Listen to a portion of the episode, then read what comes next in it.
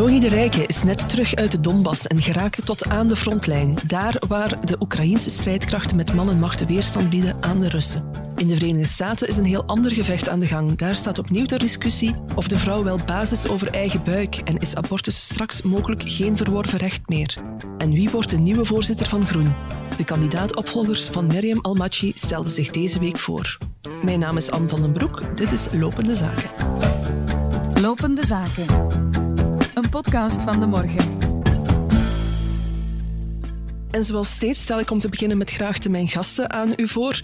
Ook nu het steeds onwaarschijnlijker wordt dat Anderlecht kampioen zal spelen, is hij toch nog dapper op post. Dag Bart. Waar moet ik anders zitten om mijn verdriet uh, te verwerken? Verwerken. Bart Eekhout, hoofdcommentator van de Morgen. Dag Welkom. Aan. Heel blij ook om, om, om, mijn twee andere collega's aan deze tafel te kunnen verwelkomen. Twee stemmen waar uh, we ondertussen ook mee vertrouwd zijn in deze podcast. Katrien Zwartenbroeks, weekendjournaliste. Hallo. Hoi. En buitenlandjournaliste Joni de Rijke. Hey.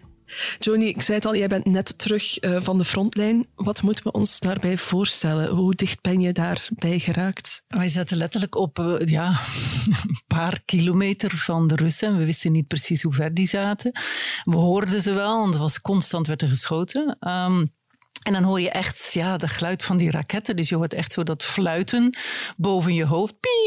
En dan is het even stil. En dan hoor je die dreun van die inslag. Um, en dan gaan er allerlei andere raketten en bommen en toestanden af. En het is constant constant dreunen. En ja, wij hadden een commandant die was vrij laconiek en die, die wandelde maar door. En nee, het is allemaal wel in orde. En dat hoorden wij dus later van andere journalisten die met hem mee waren gegaan. En op een gegeven moment, uh, ja, zei hij van telefoons uitzetten en uh, volg mij maar. En we gaan naar de mannen die helemaal vooraan zitten. En hij probeerde daar dan zelf mee te bellen. En hij hield zijn telefoon dan zo in de lucht om bereik te krijgen. En ondertussen klonk dat knallen maar luider en luider. Maar ik dacht echt van, ja, hoe ver kunnen wij nog gaan? En op een gegeven moment moesten wij rechtsomkeerd maken. En waren die mannen die dus, wij, wij dus zouden gaan bezoeken, ja, die waren aangevallen geweest door de Russen. En hij zei nog altijd van nee, die zit op een paar kilometer afstand. Maar ja, je hebt van die grijze zones um, waar dus... Je zat eigenlijk echt wel in de eerste linie dus. We zaten wel helemaal vooraan, ja. Ja, je hebt inderdaad vaak vijf van die frontlinies. Maar ja. deze man die nam gewoon ons mee naar waar hij dacht dat het wel kon. En het kon ook wel. Hè. Ik bedoel, het is niet dat je, daar, dat je daar rechtstreeks tegenover de Russen staat. Maar door dat grijze gebied, en dat was in een bosachtig weilanden. Het was eigenlijk het platteland. Ja, je weet niet precies wie waar zit. Dus het kan wel zijn mm. dat ze ineens op een paar honderd meter afstand zitten. Het was wel ja. behoorlijk spannend. ja, ben je daar al een beetje van bekomen? Want dat, dat moet toch een enorme stress zijn als je daar rondloopt? Ja, dat was het ook. Ja. Maar ja, op de een of andere manier bereid je daar dan wel op voor. We hadden een tolk mee uh, en haar man. En die waren eigenlijk helemaal niet voorbereid. Het waren gewoon twee burgers met een eigen zaak uit Zaporizhia. En die vond ik wel heel dapper. Uh, die waren daar zo koelbloedig in. En de Oekraïners zelf zijn zijn eigenlijk heel erg koelbloedig daarin, vind ik. We zijn in, uh, in de stad Kharkov met uh, de ambulanciers mee geweest en met de brandweer. En die trekken erop uit, iedere keer nadat er dus een bombardement is. Ja, Tegenwoordig is er allemaal, uh, volgt er een tweede bombardement, tweede beschieting. Mm. Double tap, zoals ze zeggen. En dat doen ze dan bewust, hè, de Russen. Dat deden ze ook in Syrië. Om uh, ja, de hulpverleners te kunnen raken. Maar die mensen, dus die hulpverleners, die trekken erop uit. De brandweer zegt, wij wachten tegenwoordig wel tot na die tweede bom. Maar die ambulances die gaan en die hebben dan kogelwerende vesten aan, niet eens een helm. En die gaan dan naar die plek, die halen de mensen eruit. En ja, als er dan raketten worden afgevuurd, dan gaan die gewoon plat op de grond liggen. En dan staan die na een paar minuten weer op, maar die gaan gewoon verder. En ik vind dat ongelooflijk. Die zijn er echt zo koelbloedig in. Dus als je dat soort mensen om je heen hebt, ja. ja dan ga je daar zelfs niet staan bibberen en jammeren. Dan moet je je wel een beetje ja. zelf ook koelbloedig opstellen. Dus, uh. Ja, heel bijzonder. Ik kan me er weinig ja. bij voorstellen. Hoe dat, ja, heb, je, heb je het idee dat oorlogsverslaggeving veranderd is doorheen de jaren? Want het is niet je eerste frontlinie natuurlijk. Ja, het is ja, veranderd. Er zijn dit keer veel meer fotografen, vind ik. En minder schrijvers, zoals ik. En dat is echt een, een gigantisch... Ja, het is altijd wel een gekkenhuis. Hè. Als er een oorlog is, dan is dat een mediacircus. En er zijn al wel weer foto's geweest. Dat was in Irpin, denk ik, of in Bucha, daar boven Kiev. En op een gegeven moment ja, mocht het dan vrijgegeven worden, het gebied voor de media. En dan, ja, dan zag je gewoon alleen nog maar fotografen staan. En hm. Ik heb het idee dat dat alsmaar meer en meer en meer wordt. Dus het wordt, uh, het, is een, het, is, dat is toch een, ja, ergens een circus. Dat is misschien een beetje een raar woord in, in deze wat, wat vind je van die evolutie? Het heeft natuurlijk ook nadelen, omdat het toch over een industrie gaat. En dan zie je dat mensen soms heel ver gaan. Ik heb zelf dingen meegemaakt dat ik echt dacht van ja, dit is er zo over. Je hebt het over oorlogsslachtoffers en dan hoor je toch ook wel verhalen. Het zijn er maar een paar, hè? het zijn uitzonderingen. Laat ik, eh, ik wil niet uh, mijn eigen collega's uh, afmaken, maar er zijn fotografen die, um, met name fotografen dan, ja, die, die zetten hun voet tussen de deur van mensen die net uh, een, een, familielid gevonden hebben op straat en die zich dan terug willen trekken, die helemaal overstuur zijn. Ja, en dat soort dingen zie je wel. Maar dat doet ook wel de ronde hoor, onder de, onder de media, onder de persmensen van ja, dit, dit kan niet. Maar het gebeurt wel. Dus, ja, ja. Uh, ja. Dat is natuurlijk ook wel iets wat altijd al gebeurt. Hè. Dat is niet iets van deze tijd, maar... Ja.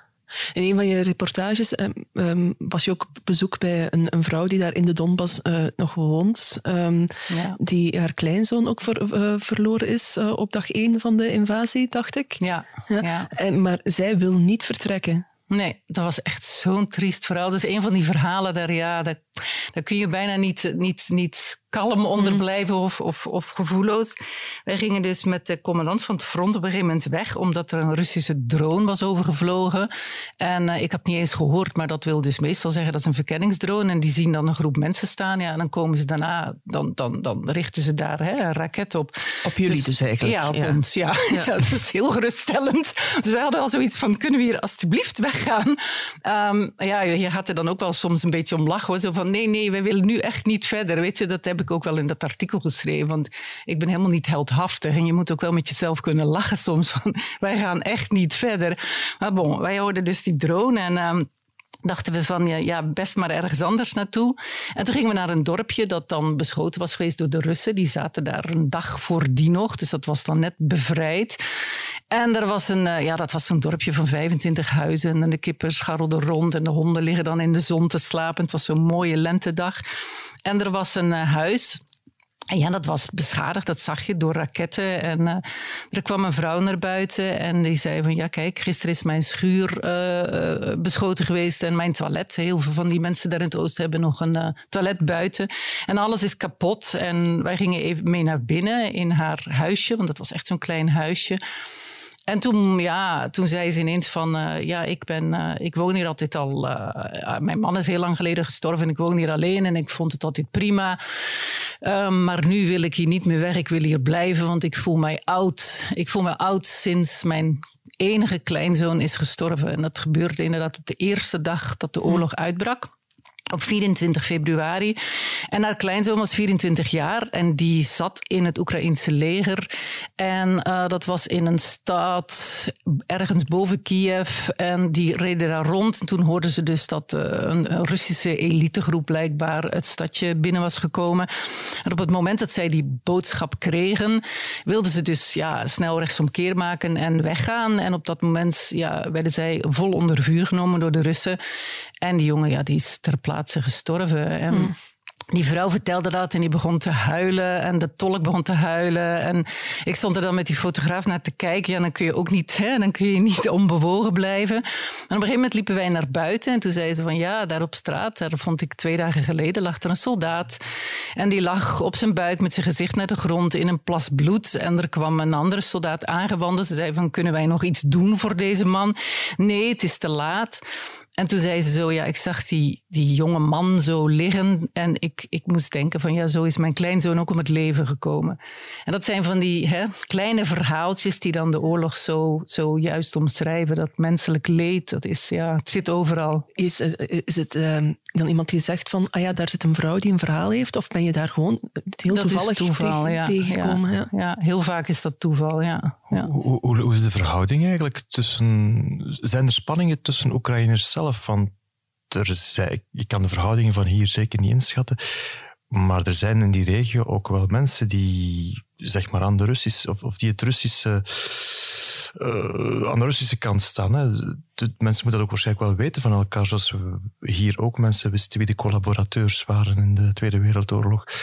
Uh, zijn er spanningen tussen mensen? Zijn, zijn die verhoudingen heel moeilijk of, of, of, of leeft dat nee, minder? niet meer. Um, ik ben drie weken voordat die oorlog uitbrak daar nog geweest. En toen hoorde ik al in het oosten, het was ook in Kramatorsk. Mm Dus heel dicht bij, die, uh, bij dat separatistisch gebied. Toen vertelden ze mij al dat daar eigenlijk de laatste jaren wel meer een omslag was geweest. En dat er veel meer mensen de kant van Oekraïne, de kant van mm Oekraïne kozen. Um, en, en ja, ik hoor overal in steden zoals uh, Odessa, dat toch heel groot deel, voor een heel groot deel pro-Russisch was, en ook Kharkiv, wat ja, op 30 kilometer van de grens ligt, dat er heel veel pro-Russen zaten dat dat veranderd is sinds de oorlog. Dat toch uh, ja, heel veel mensen dan, dan zagen wat er aan de hand was. Want als je daar woont, zie je dus wel degelijk dat die, dat die bommen door Russen hè, worden gesmeten. En door Oekraïners, zoals ze dan aan de andere kant zeggen. En dan, dan kiezen de mensen toch wel openlijk dan de kant van Oekraïne. Tegelijkertijd weet iedereen ook wel, stel dat de Russen zouden komen. Ja, dan zijn er natuurlijk altijd mensen die dan weer de kant van de Russen kiezen. Mhm. Dat is dan, hè, natuurlijk, mensen zijn ook geen heiligen. Maar zoals ik het zie en hoor, zeggen ze toch allemaal wel dat ze aan één kant staan. En, en je ziet ook wel dat dat klopt. Het is niet dat je ziet dat mensen elkaar volledig wantrouwen of dat er spanningen mhm. zijn op dat vlak. Ze tonen het alleszins maar niet. Maar wonen er nog veel mensen eigenlijk eh, nu in het oosten? Ja, toch wel hoor. Ja, ja. En zijn het dan de mensen die niet weg willen of die niet meer weg kunnen? Allebei. Of ze denken dat ze niet meer weg kunnen. Dat zie je ook vooral bij mensen die dan uh, ja, wat, wat, wat meer in de armoede zitten. Die denken dat er geen middelen zijn. Die zijn dan misschien minder goed geïnformeerd of willen het ook niet. En zeggen van ja, waar kunnen wij naartoe? En er zijn natuurlijk mogelijkheden. Want er waren allerlei middelen om te vertrekken. Uh, met bussen en met treinen. En dat was ook allemaal gratis. Maar ja, heel veel mensen, georganiseerd was. Ja, heel veel mensen wilden daar toch niet van weten of durven niet. Uh, maar in Kharkiv ben ik heel veel mensen tegengekomen die echt zeiden van nee, we willen deze stad niet verlaten. Dit is mijn stad en ik wil hier niet weg. En, en met een ja, koppigheid. Heb je mensen gezien die al twee maanden ondergronds wonen? Dat is waanzinnig, hè? Twee maanden in metrocellen onder de grond. 30 meter onder de grond. En dat zijn nog van die... Een paar van die metrostations die zijn ook gebouwd destijds als bunkers voor nucleaire aanval. Destijds, ja, dat was in de Sovjet-tijd natuurlijk. Toen was het voor nucleaire aanval van het Westen, hè? want dat was dan nog allemaal Russisch. En nu is het natuurlijk andersom. Maar daar vraag je je toch af van, ja, hoe lang kunnen die mensen dat nog volhouden? Want ja, twee maanden vind ik al een waanzinnige tijd. Maar dat doe je in, in zo'n bunker gaan zitten wanneer je denkt dat het voor een dag is, voor een paar dagen ja. hoogstens. Maar het ziet er niet naar uit dat dit nu snel voorbij zal zijn. Die kunnen toch geen jaren ondergronds gaan leven. Zij zeggen dat ze dat wel gaan doen, ja. De meeste, en er was in het begin zaten er heel veel mensen in de metro. En dan waren ook die perrons heel vol met tentjes en, en matrassen. En nu zijn de mensen die daar nog wonen, het zijn er nog altijd honderden, die slapen dus echt in de metrotoestellen. Het zijn van die oude metrotoestellen uit de jaren zeventig. En die hebben daar dan echt een, een woonkamer van gemaakt. Er zitten dus ook gezinnen, zitten ook jongeren het zit echt van alles. Ja, en die krijgen dan wel, uh, elke dag wordt er eten gebracht. Uh, er is een soort onderwijs. Er komt een jongen die komt gratis haren knippen. Uh, dus er gebeurt daar een wel van onder alles. de grond Ja, het is echt een stad. Ze hebben zelfs een eigen soort regering. Want ik heb nog altijd contact met die ene jongen. Hij zegt, ja, we moeten dat even met onze, met onze lokale regering moeten wij dat niet beslissen wat ze dan gaan doen. Dus ze maken er wel zelf het beste van. Daar kan je echt antropologisch onderzoek gaan voeren ja, eigenlijk. Ja, ja. Hoe zo'n gemeenschap zich plots daar gaat vormen. Ja, ja. maar ze zijn, ze, degene die ik sprak, die zeiden van nee, we gaan hier blijven. Want als dat zo doorgaat met die beschietingen, dan die, ja, de mensen willen, durven niet meer naar boven. En dat is natuurlijk wel de andere kant. Doordat je zo diep onder de grond zit, dan ben je wel veilig. Maar daardoor wordt bij sommige mensen de angst ook wel groter om terug naar boven te gaan. Ja, ja. ja. Um, hoe zit het eigenlijk met, want je hebt ook ja, met veel mensen gesproken, ook met gewoon burgers gesproken. Hoe zit het met hun moraal? Trekken zij het nog? Nog altijd, nu nog wel. Uh, je hoort alleen wel dat mensen die echt heel dicht aan de frontlinie zaten van de vorige oorlog, waar de pro-Russische separatisten zaten. En daar werd altijd al wel uh, geschoten hier en daar. En die zijn het sowieso moe, maar die zitten er al acht jaar in.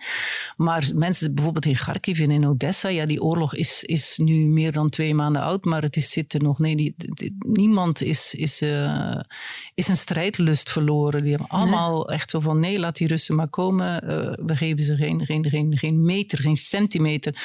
Dit is onze stad en we zijn niet bang en dan moet ik ervoor sterven. Dat klinkt allemaal zo enorm heldhaftig, maar ze zeggen het wel allemaal. En ze menen het ook. En ze blijven ook. Uh, mensen ook die op straat lopen in Kharkiv. Nu op het moment is het iets rustiger in de binnenstad.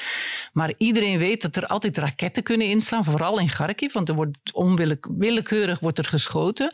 En dan, ja, dan valt daar zo'n raket. En, en wij zijn meegeweest met, met de ambulance diensten. En dan zie je letterlijk wat dat doet. Dus die scherven, dat zijn echt enorme scherpe brokstukken, die vliegen rond en dat doodt mensen. Ja. En dan, ja, dan is er zo'n vrouw en die ging op een plein naar de supermarkt en dan valt daar ineens zo'n raket out of the blue op een, op een, op een zaterdagmorgen om tien uur vijf of ja. zo. En dan is dood klaar, die ligt daar, weet je zo. En dat is constante dreiging daar. En toch, de mensen die gaan naar buiten, die leven, ja, het is ook een gewoon hoor. hoe raar het ook klinkt. Ja. Uh, en wat doet dat met jou? Want Katrien zei het juist al, het is niet jouw eerste oorlog, het is niet jouw eerste frontlinie. Maar ja, um, dit, dit, is ook de derde keer nu op een goede drie maanden tijd ja. zeker dat je in Oekraïne was. Het lijkt mij, als ik jouw reportages las, dat het toch wel de heftigste keer was. Ja, deze laatste keer was het meest heftig, ja. Omdat we ook naar Kramatorsk gingen net toen dat uh, offensief werd uitgeroepen tegen, hè, in Donbass. En toen werd er uh, in het begin ook heel, heel zwaar gebombardeerd op Kharkiv. Wij uh, sliepen in een appartementje iets meer naar het noorden, dus dichter bij de Russische grens. En dat raasde daar de hele nacht door en dat klonk zo dichtbij. En dan lig je daar echt van met een bonkend hart in je bed. En mm. dan waren er van die tapijtbombardementen en dat klinkt echt alsof de wereld vergaat. Dat is zo angstaanjagend. En door daar te zijn, dan begrijp je ook wat die mensen meemaken. Mm. Ja, en ook, ook aan de frontlinie, dat is, dat is dichtbij natuurlijk. En dan vliegt er zoiets over als een Russische drone. En dan denk je van, ja, wat gaat er gebeuren? En wij moesten met het leger ook ineens heel snel een schuilkelder binnen. En als die militairen dan in paniek zijn, ja, dan denk je helemaal van nu is het menens. En dan, dan, ja, dan moet je echt onmiddellijk zo'n schuilkelder binnen. En dan mm. is het wachten en dan is die dreiging weer ineens over. Maar intussen, ja... Ja, ik kan me voorstellen dat je dan continu op adrenaline zit als je daar bent. Ja, en dat put ook uit. Ja. Want dat hou je niet vol. Nee, nee voilà. En hoe, hoe is dat dan als je thuis komt? Want is dat dan dat blijft nog een tijdje doorwerken. Ja, ja. ja. en dan, uh, ik droom er wel constant over. Ik ben elke nacht in, in, Oekraïne met iets bezig. En dan vooral heel veel mensenmassa's die verhuizen. En dreiging hier en dreiging daar. Dus je laat het natuurlijk niet zomaar los. En dan mm. rustig aan, stil aan verdwijnt dat. En dan word je meestal heel moe. dus ja. Mm. Ja, maar ja. dat hoort erbij. Ja. ja, die adrenaline werkt nog wel een tijdje na. Ja. Ja. Zeg, um, iedereen kijkt al de hele tijd uit naar 9 mei, want dat is dan uh, de, de dag van de overwinning uh, um, ja. in Rusland, wanneer dat zij de um, ja, het verslaan van, de, van Nazi-Duitsland uh, vieren door, door de Sovjet-Unie. Wordt gezegd, Poetin wil dan met iets kunnen uitpakken. Heb je een idee met wat? Wat het zal zijn? Er zijn verschillende pistes. Hè. Ze denken, je hoort nu toch weer dat die, uh, de stad Mariupol eigenlijk, dat hij daar uh, vanuit daar de, de, hè, zijn overwinning wil uitroepen. Ja, want ze zijn die stad blijkbaar aan het opruimen en de lijken aan het bergen en de straten aan het schoonvegen. Dat is natuurlijk absurd als ze dat zouden doen, maar dat is één van de mogelijkheden. En er is een andere mogelijkheid dat hij dus uh, de officiële oorlog zal verklaren uh, tegen Oekraïne, want er was tot nu toe nooit sprake van oorlog volgens de Russen. Het was een invasie, het was eigenlijk een reddingsoperatie, zoals ze dat noemden. En als dat zo zou zijn, dan kan hij dus alle Russische mannen mobiliseren. Dus dan heeft hij er ineens wel een heel groot leger bij, want Rusland is natuurlijk een enorm land. Mhm. En dan hebben, ze, ja, dan hebben ze opnieuw zoveel mankrachten. En dan wordt er ook wel verwacht dat dan de oorlog pas echt begint. En dat het offensief in Donbass dan ook pas echt gaat losbarsten. Dat dit eigenlijk nog maar gewoon een beetje een voorproefje is. Dus ja, het ziet er niet goed uit. Er zijn natuurlijk allerlei scenario's dat hij dan toch uh, nucleaire wapens gaat gebruiken. Ja, dat is allemaal heel griezelig. Hij dreigt er ook mee. Hè. Dus het, is, het kan alle kanten op. Maar uh, ik, ik zelf acht het meest waarschijnlijk dat hij officieel de oorlog gaat verklaren en dat hij uh, de mannen gaat mobiliseren. Ja, ja, De Russische mannen, ja. En kan Oekraïne dat aan? Want je, je, je hebt nu ja, diep in dat uh, Oekraïnse leger gezeten.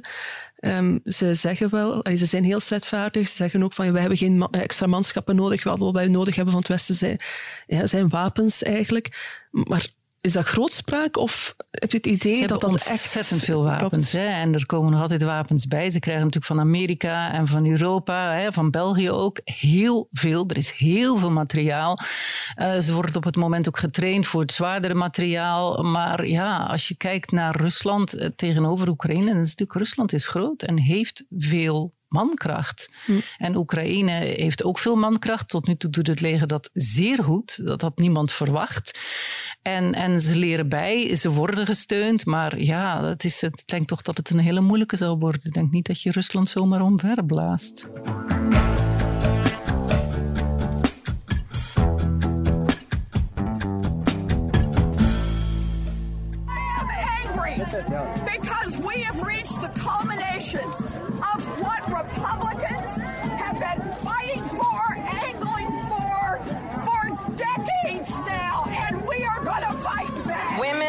Rights in America are under attack. Roe protects the right to access abortion. It also protects a woman's right to make decisions about what she does with her own body. Nemen we even het vliegtuig naar de andere kant van de wereld, want daar barstte afgelopen week een figuurlijke bom. Het Amerikaanse Hoogrechtshof zou de twee rechterlijke uitspraken die een federaal recht op abortus in de VS garanderen willen vernietigen. Zo staat het alleszins in een uitgelekte conceptnota over het zogenaamde Roe versus Wade arrest. Een term waar u deze week vast al over gehoord heeft. Maar Katrien, leg eens even uit, waar gaat dat arrest precies over en wie wil dat veranderen? Ja, dat was uh, Roe Wade was een uh, heel omstreden arrest van uh, het Hooggerechtshof uit 73. Jane Roe had aangevochten dat haar um, beperking op abortus uh, dat dat niet grondwettelijk was en het Hooggerechtshof beslist daar dan over. En die hebben dan dus eigenlijk inderdaad geoordeeld dat die wetten die abortus verbieden of restricties opleggen, dat dat ongrondwettelijk is, omdat het recht van op abortus vervat zit in het grondwettelijk recht op privacy. En dat recht op privacy, dat omvat bijvoorbeeld ook, je mocht kiezen met je lichaam maar dat je doet, je mocht uh, trouwen met wie dat je wilt en dat soort dingen. En dat is dus nu uh, verworpen. Ja. Dat dat. Dus eigenlijk sinds de ja. jaren zeventig waren abortussen wel toegestaan in de VS? Of... Ja, ja, ze waren dus toegestaan. Dus je kon abortus laten uitvoeren, uh, maar dat was niet vervat in de grondwet of zo. Heel veel um, democratische presidenten en presidentskandidaten hebben daar campagne op gevoerd van we gaan dat, we gaan dat laten vervatten in de grondwet. Uh, maar dat is eigenlijk tot nu toe uh, nog niet gebeurd. in tegenstelling tot België trouwens, waar dat, dat natuurlijk wel wettelijk bepaald is. Um, dus ja, dat, dat is nu wel een probleem. Zeker de conservatieve christelijke, waar dat er in Amerika wel heel wat van zijn, die hebben daar altijd tegen gestreden. Mm. Um, en die hebben altijd nieuwe wetten proberen invoeren en die naar dat hoge rechtshof te brengen om mm. Roe versus Wade te laten overturnen, zodat dat, zoals dat dan heet. Uh, en ja, we weten allemaal, Trump heeft de chance gehad dat een behoorlijk wat van die opperrechters heeft mogen benoemen.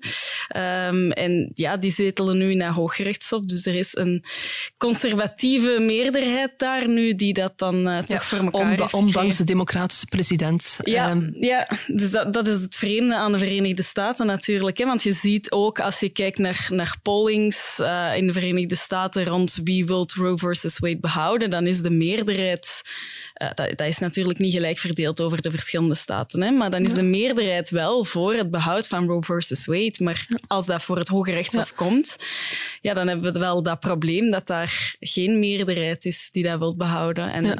ja en dat het heel veel stof doet oppaaien, dat is nogal een understatement. Hè? Ik zag een filmpje eh, passeren van senator Elizabeth Warren, de gewezen presidentskandidaat ook.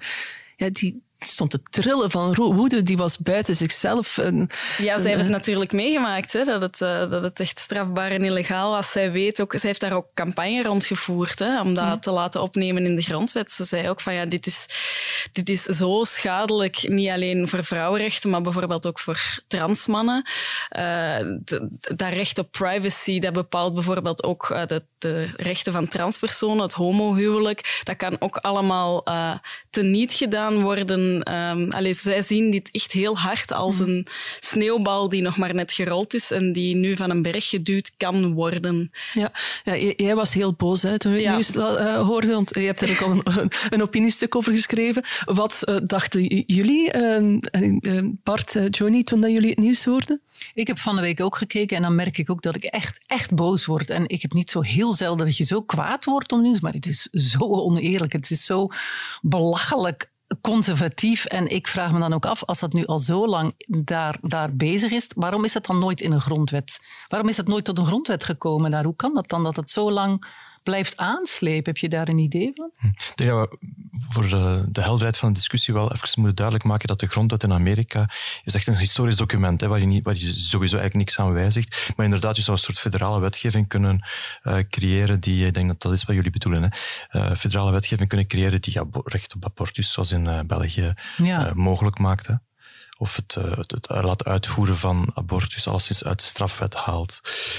Ja, dat is natuurlijk een, een beetje eigen aan, de Amerikaanse politiek, waar eh, de federale regering zich altijd terughoudend opstelt en heel veel autonomie laat aan deelstaten. Er is een enorm groot verschil tussen uh, deelstaten. In, uh, ik denk in Californië is er een vrij open wetgeving. En dat is typisch voor de wat liberalere kuststreken.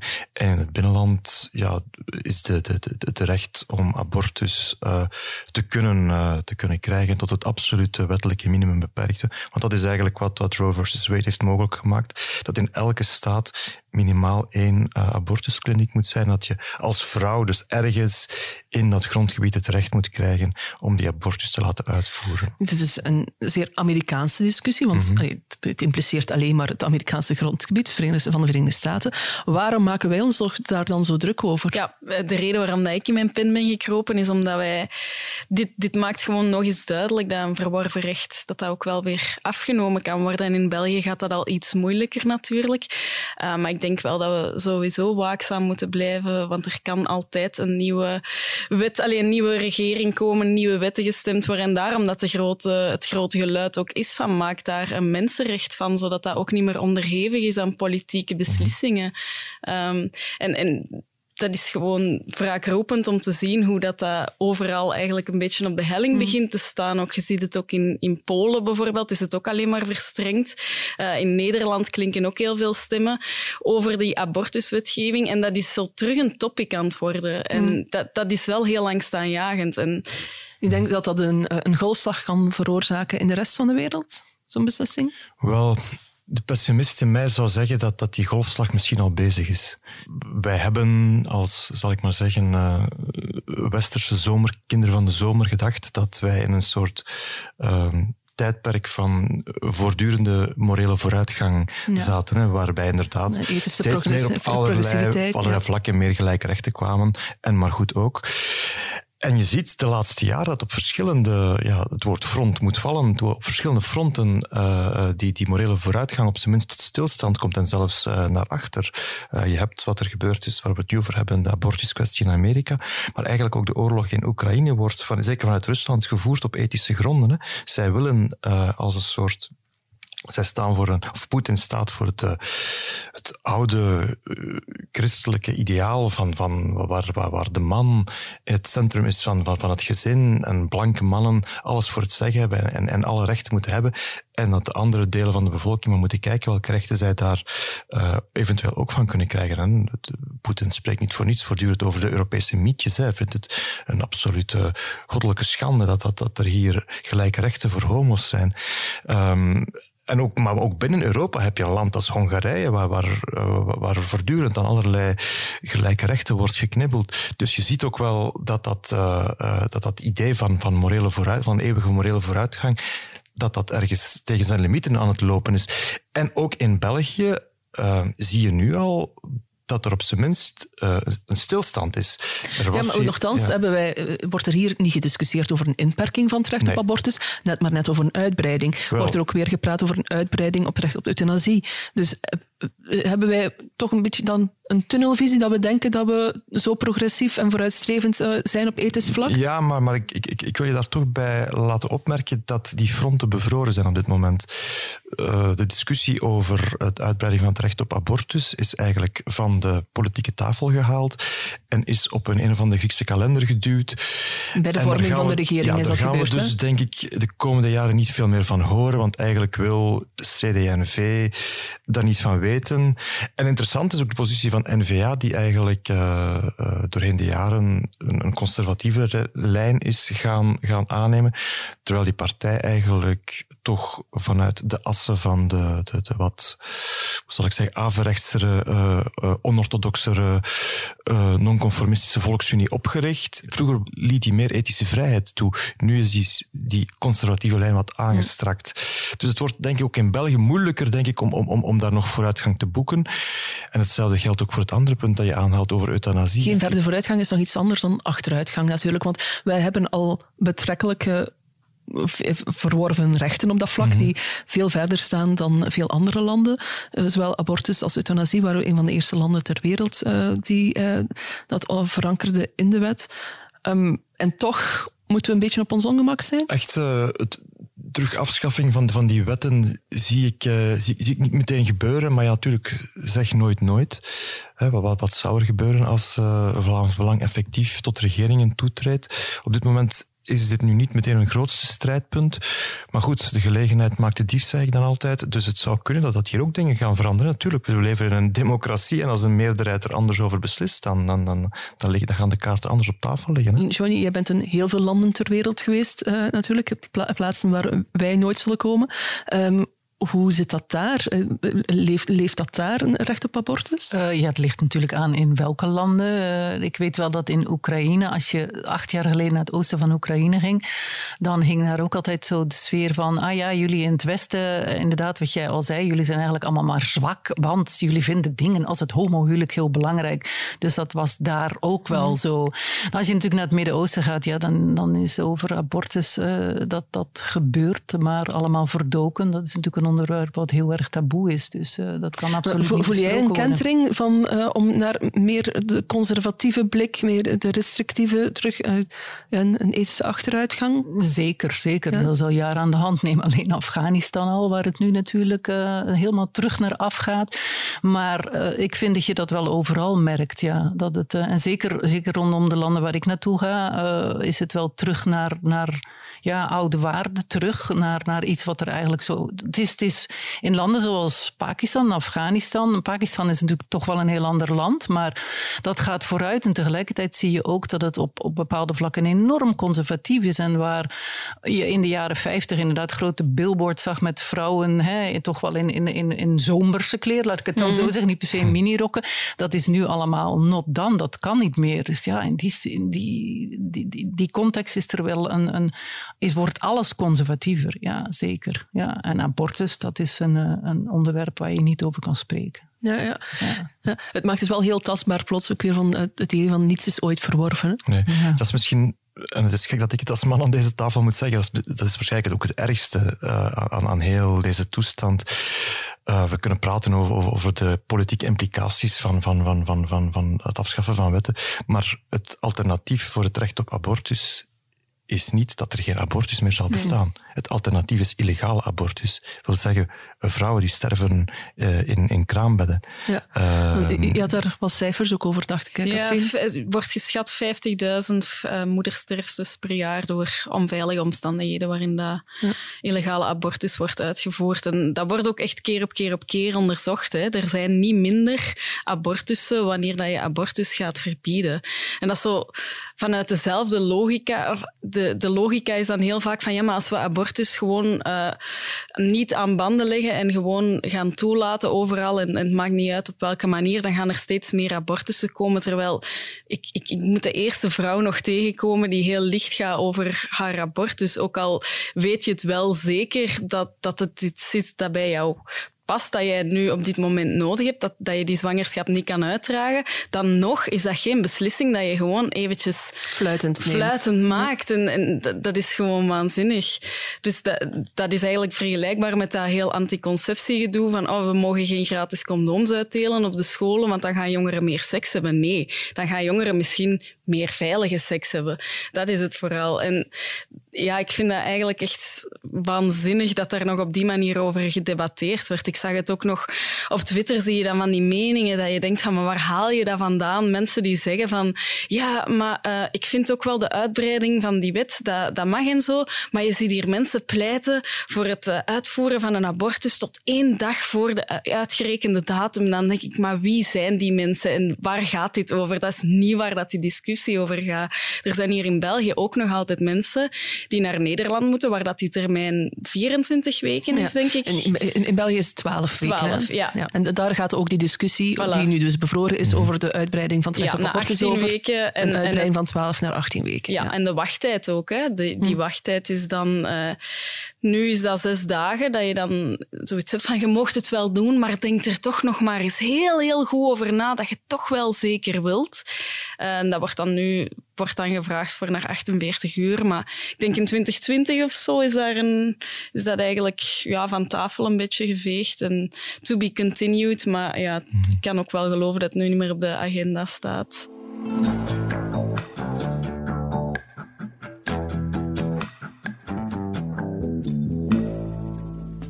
Ik zie mijn partij graag. Ik heb erover nagedacht, ook omdat een aantal andere mensen beslist hebben om het, uh, om het niet te doen. Maar in de politiek moet je, moet je trouw blijven aan je overtuigingen. Als ik het had willen doen, dan was ik uh, kandidaat geweest. Hè. Dus het is mijn eigen keuze. Uh, maar ik denk wel van ja, je moet er ook echt over nadenken. Ben ik de juiste man op het juiste moment? En dat ben ik niet. Werpen we de blik toch ook nog even op het eigen land, want daar zit er de volgende maand een voorzittersverkiezing aan te komen. Meirem Almachi houdt het na acht jaar voor bekeken aan het hoofd van Groen, nog voordat haar tweede ambtstermijn officieel zou aflopen. Dat voortijdige afscheid bespraken we hier eerder al, maar kijken we nu eens naar wie haar zou kunnen opvolgen. Want Bart, de kandidaten die moesten zich uiterlijk deze week bekendmaken mm -hmm. en dat hebben ze gedaan. Hè? Ja. Wie is in de arena gestapt? Wel, uh, er zijn uiteindelijk vier duo's uh, opgedoken die uh, ja, op het eerste gezicht eigenlijk vrij inwisselbaar zijn. Hè. Ze, zijn uh, allemaal heel, ze lijken wel een soort in een soort groene laboratorium samengesteld. Mm -hmm. Heel netjes. Man, vrouw, uh, Vlaming, Brussel, blank kleur. dus ze zijn heel erg... Um, ook denk ik, qua ideeën is het nog een beetje zoeken naar verschillen tussen de, de tussen de duo's. je hebt bijvoorbeeld... ja, je hebt, ik zal ze misschien even noemen. Je hebt Vlaams parlementslid Elisabeth Meuleman, die in duo gaat met uh, Brussels parlementslid Juan Benjumea. Je hebt een andere Vlaamse volksvertegenwoordiger, uh, Jeremy van Eekhout, die doet het samen met uh, een Brussels kabinetslid, Nadia Nagy, die ook in de gemeenteraad zit in Molenbeek. Je hebt Jana Boeve en, en, en Jad Zaitoun, ook allebei kabinetsleden. En dan heb je nog twee mensen waarvan we eigenlijk heel weinig weten, want ze willen zich voorlopig niet aan de pers voorstellen. Renat van Rompuy en Barry Jalikatou. dat dat zijn ze dus. En uh, nou goed, ik zou het heel goed begrijpen als de luisteraars het nu even in Keulen horen donderen, want het zijn niet de grootste namen. Nee, want dat is misschien nog het meest opvallende. Hè? De, dus de, de, de ronkendste naam, als je het zo al kan zeggen, is Elisabeth Meuleman die ertussen mm -hmm. zit, die 13 jaar in het Vlaams parlement er al heeft op zitten zeker intern uh, een gevestigde waarde is, voor de grote buitenwereld nog een relatief onbekende mhm. naam al bij al. Hè. Uh, dus, ja. uh, maar waar, waar zitten de, de, echte grote namen van Groene? Dus, waar, zijn, waar zijn de Calvo's en de Joskas? En, Ja, je hebt een, um, een aantal kandidaten, het zijn geen kandidaten dus, een aantal potentiële mededingers, zoals Petra de Sutter, Elke van den Brand, Wouter de Vriend ook, die eigenlijk geoordeeld hebben dat ze Uh. Op dit moment uh, goed zitten waar ze zitten. Hè. De eerste twee zijn minister, de andere is uh, fractieleider in de Kamer.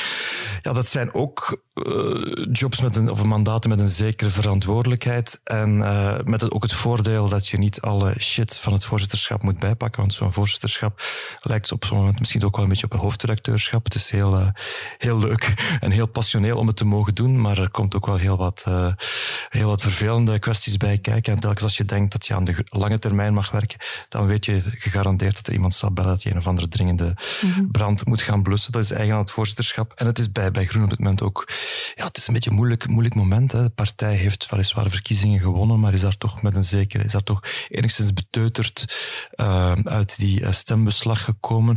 Heeft eigenlijk die wonden nooit kunnen laten helen. Um, en, en dat betekent ook dat een aantal mensen uit de top van de partij een beetje met de, de nek worden aangekeken. Hè. Ook Christophe Calvo, Björn Joska worden toch, ja, zal ik zeggen, mee verantwoordelijk geacht voor de verdeeldheid die binnen de partij toch is. een onderdeel van het probleem eigenlijk. Ja. Dus zij hebben denk ik terecht geoordeeld dat uh, hun kandidaatstelling um, de polarisering uh, enkel zou doen toenemen. Maar eigenlijk uh, van buitenaf bekeken is de, de, afzegging van, van Christophe Calvo op dit moment interessanter dan de kandidaatstelling van de andere duo's. Dat zeg ik met alle respect voor die mensen.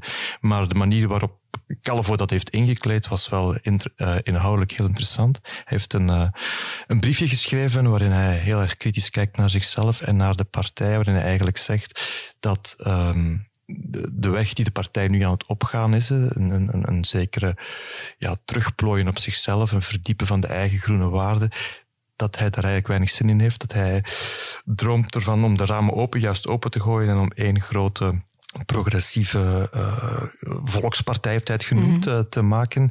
Ja, en daar heeft hij Populair helemaal... woord tegenwoordig, volkspartij. Ja, ja, iedereen, ze willen het allemaal zijn. Ja, ze, ze, halen amper 10% van de stemmen, ze willen allemaal een volkspartij zijn. Mm -hmm. uh, dus daar is nog wat, wel, wel, wat werk aan. En ik denk dat het, het ook, ook ja, van progressieve frontvorming, ja, die is op dit moment morsdood in, in, in Vlaanderen. Mm -hmm. Dus er is, uh, Calvo schat dat heel juist in, dat dat dit nu niet het moment is om, om iemand met hmm. die gedachten nu voorzitter van een partij te maken. Uh, ja, ja. Gesteld dat ze het hem zouden gunnen. Ja, want je ziet heel duidelijk dat bijvoorbeeld Conor Rousseau een heel andere beweging aan het maken is. Uh, even uh, een boogje maken naar, naar de buurland, want daar zie je wel interessante fenomenen van krachtenbundelingen.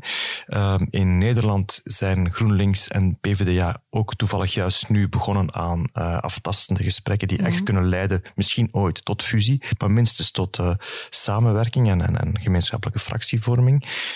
En in Frankrijk is er ook net toevallig nu een, um, ja, het is niet helemaal toevallig, uh, een, een, bundeling ontstaan van de vier linkse politieke families, hè, met de linkspopulisten van Mélenchon, de klassieke PS, de communisten en ook nog de groenen, die gaan dus allemaal samen naar de komende parlementsverkiezingen, als uh, alle wielen aan de wagen blijven toch. Um, dat is niet helemaal toevallig dat die bewegingen ontstaan omdat uh, het momentum er is. Omdat zowel in Frankrijk als in uh, Nederland, maar eigenlijk ook in België, uh, links er moeilijk aan te pas komt tegen een, grond, een grondstroom die enerzijds centrumrechts is, hè, Macron, Mark Rutte, anderzijds radicaal rechts, mm Le Pen, ehm, Wilders en alle andere um, Nederlandse radicale populisten. Ja, um, die frontvorming komt er niet. Um, we nee. weten ook al heel zeker dat de nieuwe voorzitter van Groen iemand zal zijn die het publiek nog zal moeten leren kennen. Mm -hmm. co-voorzitters moeten we zeggen, want mm -hmm. alle duo's uh, presenteren zich in co-voorzitterschap.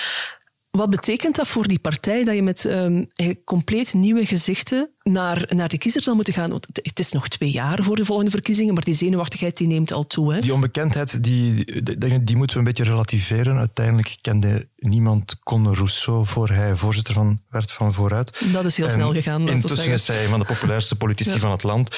Dus dat is op zich geen grote handicap. Wat ik wel interessant vind, is dat um, de kandidaten van, van, van Groen lijken mij uh, een beetje af te stappen van de partij zoals we ze nu kennen, die heel erg stedelijk, cosmopolitisch gericht is. Zowel Jeremie van Eekhout als uh, Elisabeth Meuleman komen eigenlijk van het platteland. Enfin, met uh, excuses voor de inwoners van Oudenaar, want dat is eigenlijk wel een stad, maar goed, platteland. dus zij zijn, um, zij staan denk ik voor, voor een, een, een andere variant van, van, van van, van een groene politiek, die we eigenlijk in Vlaanderen nog weinig gehoord hebben.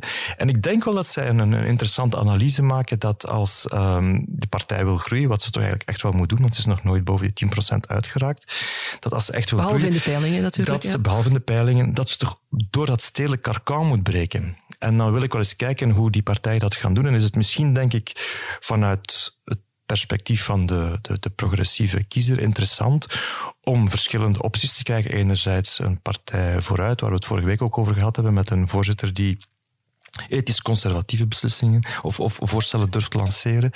En anderzijds ook wel klassiek links uh, sociaal-economische profiel aanmeet. En anderzijds een, een, groene partij die ook uh, uh, die, die op een, een, een, nieuwe hedendaagse manier zoekt om toch juist die ecologische waarden te gaan propageren. Kijk, nog boeiende tijd in het vooruitzicht. Wel. Joni, Katrien, Bart, ontzettend bedankt voor jullie komst. Ook een grote dankjewel aan Dries Vermeulen, onze man achter de knoppen van de podcast. Volgende week zijn we er weer met een nieuwe aflevering van Lopende Zaken. Beluister in de tussentijd ook zeker de andere podcasts van de morgen in uw favoriete podcast-app. En mocht u ons in de tussentijd iets willen vertellen, dan kan dat op podcasts.demorgen.be. En dan wens ik u een heel prettig weekend en tot volgende week.